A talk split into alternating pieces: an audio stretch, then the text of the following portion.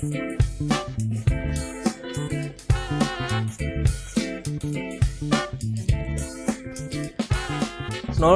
Podcast bersama FJ di sini. Hari ini tanggal 17 November 2021 waktu podcast ini direkam. Halo semuanya apa kabar? Long time no see. Udah seminggu lebih nggak ngerekam karena ming ini harusnya episode ini tuh tayangnya minggu sorry Senin Senin sore harusnya direkamnya minggu malam habis race Valencia tapi ketiduran Senin sore hujan, Selasa sore hujan, udah coba recording waktu hujan ternyata hasilnya nggak bagus dan sekarang udah mau hujan lagi. Jadi ya sudahlah, kayaknya akan tayang juga langsung nanti kalau bisa. Apa kabar semuanya? Semoga selalu sehat-sehat dan bahagia. Jangan sampai sakit karena PPKM udah longgar jadi udah bisa liburan ke mana-mana ya. Tapi sekarang juga lagi musim hujan juga sih ya jaga kesehatan aja lah buat kita semua. Anyway, by the way on the way busway kita akan membahas Valentino Rossi. Ya harusnya ini bisa sen Senin sore jadi masih hangat ya tapi ya udahlah. Episode ini predictable ya karena aku juga suka MotoGP.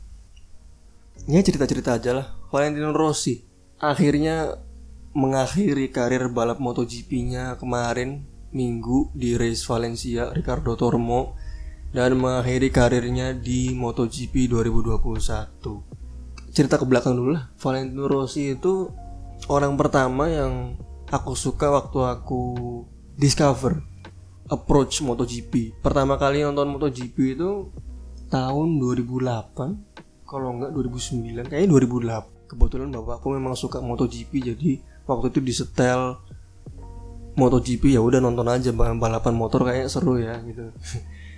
Lihat Valentino Rossi waktu itu Rossi memang lagi jaya-jayanya kan 2008 2009 dia juara dunia kan dua tahun berturut-turut dengan Yamaha Fiat. Jadi diracunin sama bapak waktu itu dia nonton MotoGP akhirnya suka. 2008 tuh masih ada ini ya Kawasaki. Aku inget banget waktu itu John Hopkins sama Marco Melandri. Bukan bukan Marco Melandri siapa. Anthony West kalau nggak salah. Anthony West.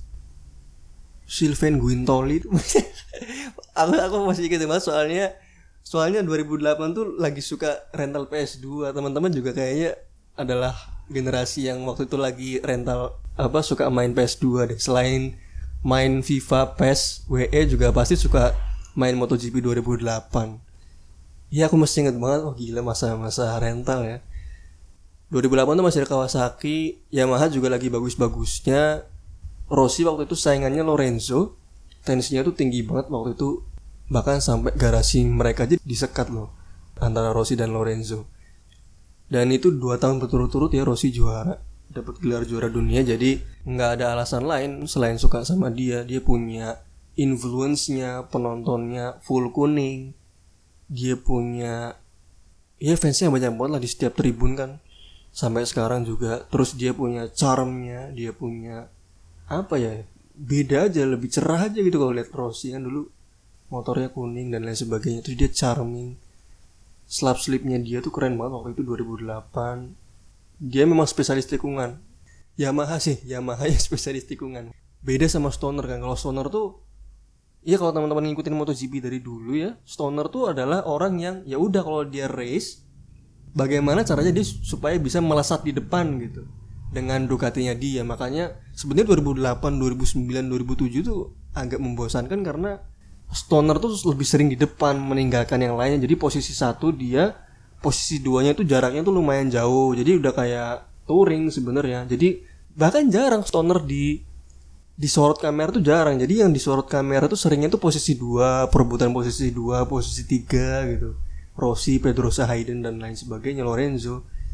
Karena Stoner lebih sering di depan jadi kurang menarik sebenarnya. Tapi kalau udah sampai ke sirkuit yang spesialis tikungan nah memang perebutannya antara Stoner dan Rossi Lorenzo juga sebenarnya dia selalu di depan juga sih sebenarnya sama Yamaha cuman kebiasaan dia sampai di Ducati terakhir tuh ya dia itu selalu di depan tapi biasanya memang bannya abis terus dia mulai mundur mundur gapnya dengan posisi dua makin deket terus akhirnya di lap-lap terakhir dia harus fight sama Marquez sama Rossi, Hayden, Pedrosa dan lain sebagainya. Kebiasaan Lorenzo itu kayak gitu ya. Yang paling diinget itu waktu Laguna Seca 2008 itu fight yang seru banget, memorable banget. Waktu itu Stoner aja sampai jatuh karena kebablasan. Rossi waktu itu di tikungan es yang turun dia overtake Stoner dengan overtake yang sedikit di atas limit ya karena sampai keluar track walaupun akhirnya 2013 dia dibalas sama Marquez dengan pola yang sama dan 2013 tuh Marquez langsung juara dunia hebat memang makanya dijuluki baby alien ya dengan Hondanya tapi Rossi sangat menawan saat itu 2008 akhirnya ya aku aku termasuk beruntung ya bisa ngerasain senengnya lihat dia juara dunia. Karena 2009 habis itu udah nggak juara dunia. Dan dia satu-satunya orang yang bisa juara di tiga pabrikan. Waktu itu 125 250 cc dia bawa Aprilia masuk MotoGP bawa Honda langsung juara dunia. Pindah Yamaha langsung juara dunia itu yang membuat ya menurutku ya this guy so amazing gitu. dan akhirnya makin naik kan pamor dia. Beda sama Marquez yang oke okay lah 8 gelar tapi masih Honda. Dan itu nggak salah juga. Stoner dia bisa dua dua pabrikan satu kali Ducati satu kali Honda. Sebenarnya Stoner tuh agak disayangkan banget ya. Dia pensiun waktu masih di atas atasnya. 2011 Rossi pindah ke Ducati. Dia merasa bisa juara bareng Ducati tapi ternyata struggling banget. Finish ke 7 8 9 gitu terus lah kayaknya. Aku inget banget dia itu podium pertama tuh di sirkuit Lemong posisi 3 dan itu senang banget dia senang banget. Kita juga fans Rossi juga senang banget karena udah lama banget kan. Dan kalau nggak salah juga waktu itu beruntung podiumnya karena dia si Rossi ini posisi keempat terus ada yang posisi tiga terus jatuh dia jadi posisi ketiga. Kalau nggak salah sih aku udah lupa juga jadi ya tidak bagus nasibnya Rossi bersama Ducati. Dia pikir Iya mungkin dia pikir dia bisa keren ya kayak Stoner yang bisa ngebawa Ducati juara tapi ternyata memang pelajarannya adalah nggak semua itu bisa lurai ya. Ada porsinya masing-masing. Stoner doang sampai sekarang yang bisa bawa Ducati juara.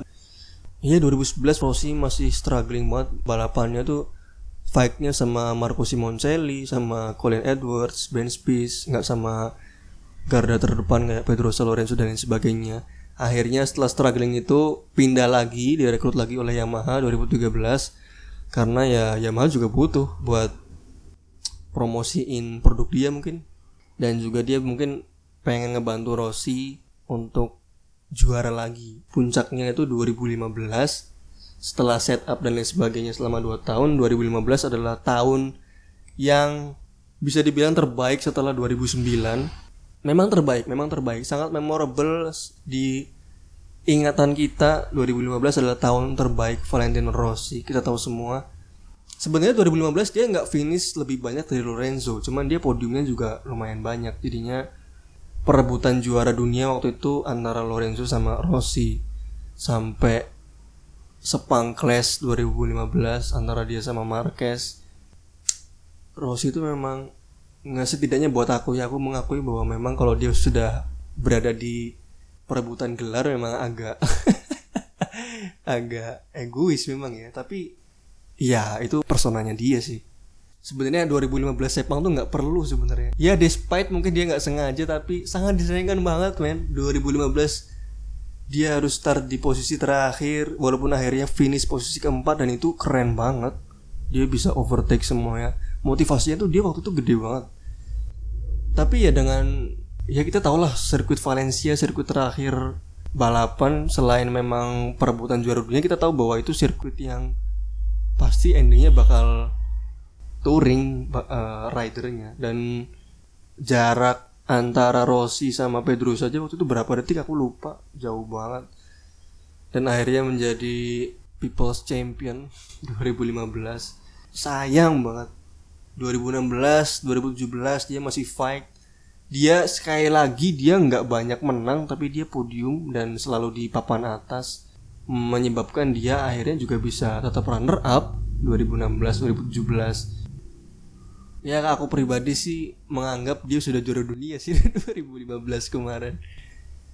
Akhirnya 2018 mulai struggling Yamaha, 2019 lebih struggling, 2020 Covid. Akhirnya dia harus pindah ke Petronas di 2021 dan akhirnya dia pensiun di 2021. Jujur Petronas tuh bagus banget loh karena dia menjadi pabrikan terakhir yang bersama Rossi. Jadinya kenangan itu akan tersimpan selamanya gitu loh. Bahwa Rossi itu terakhir ya sama Petronas. Ya fast forward dari 2020 2021 race terakhir kemarin ramai banget dan terharu banget ada Ronaldo dan Stoner pada nontonin Rossi lagi. Ya membuktikan bahwa dia sangat legenda gitu. Sampai lawan-lawannya dia pada nontonin dia. Penghormatan terakhir lah.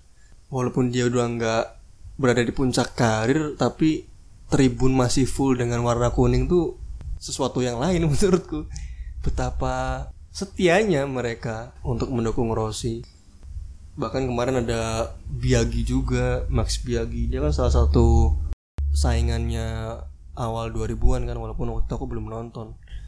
Kabarnya tuh waktu itu sampai jotos-jotosan apa ya?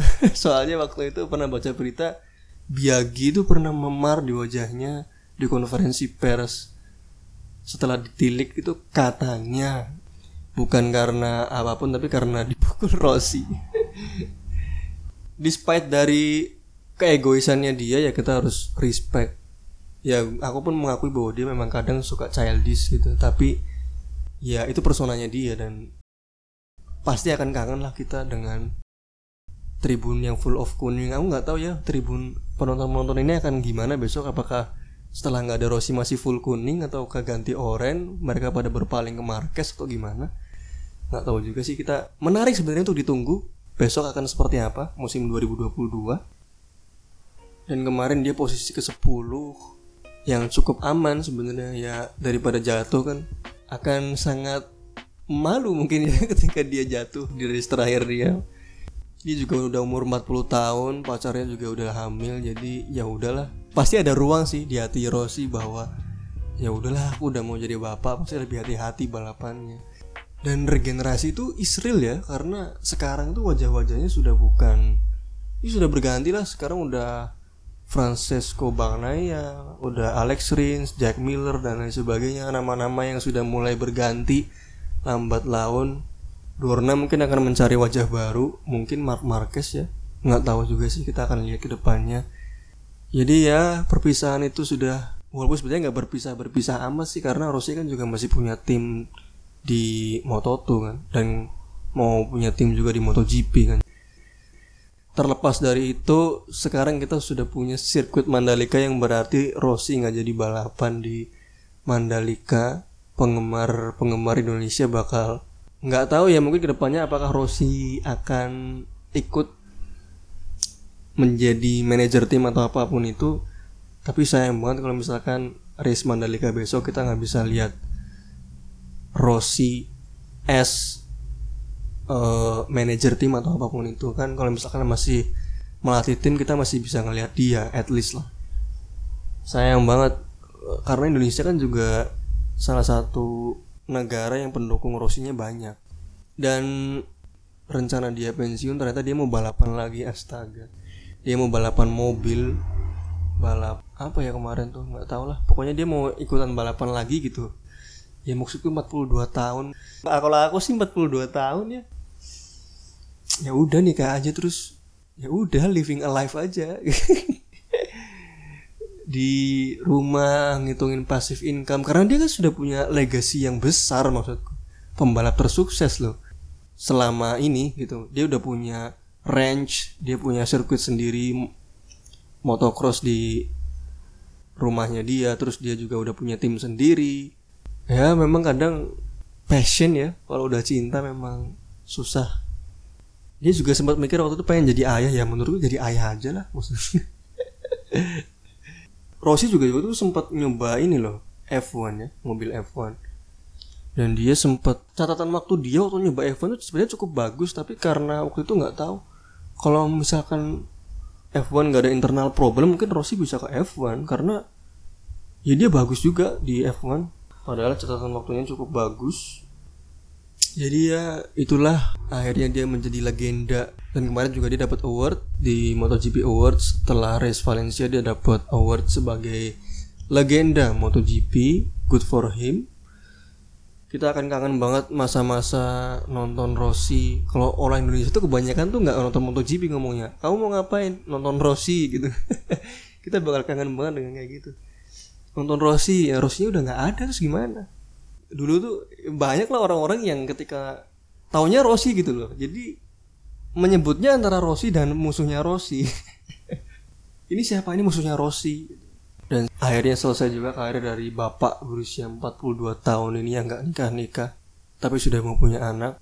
Semoga MotoGP akan segera menemukan wajah baru dan semoga lebih kompetitif lagi. Sepertinya sih akan sangat kompetitif karena regenerasi ini rider-ridernya baru dan sepertinya pabrikan sudah mulai pada bagus KTM sudah mulai di depan Aprilia udah mulai bagus Ducati juga berbenah Yamaha juga oke okay, di bawah sama Quartararo dan dia juga juara dunia 2021 jadi akan menarik setelah era nonton Rossi kita akan menyebut MotoGP dengan nonton siapa? Nonton Marquez nonton Lorenzo ya akan ada paradigma baru di sih di MotoGP jadi menarik sekali untuk ditunggu ya udah itu aja berapa menit 25 menit oke terima kasih teman-teman yang sudah mendengarkan banyolan ini Semoga kita bisa bertemu lagi di episode selanjutnya. Terima kasih yang sudah mendengarkan sampai akhir. I'm proud of you as always. Aku FJ pamit. Bye bye. See you later.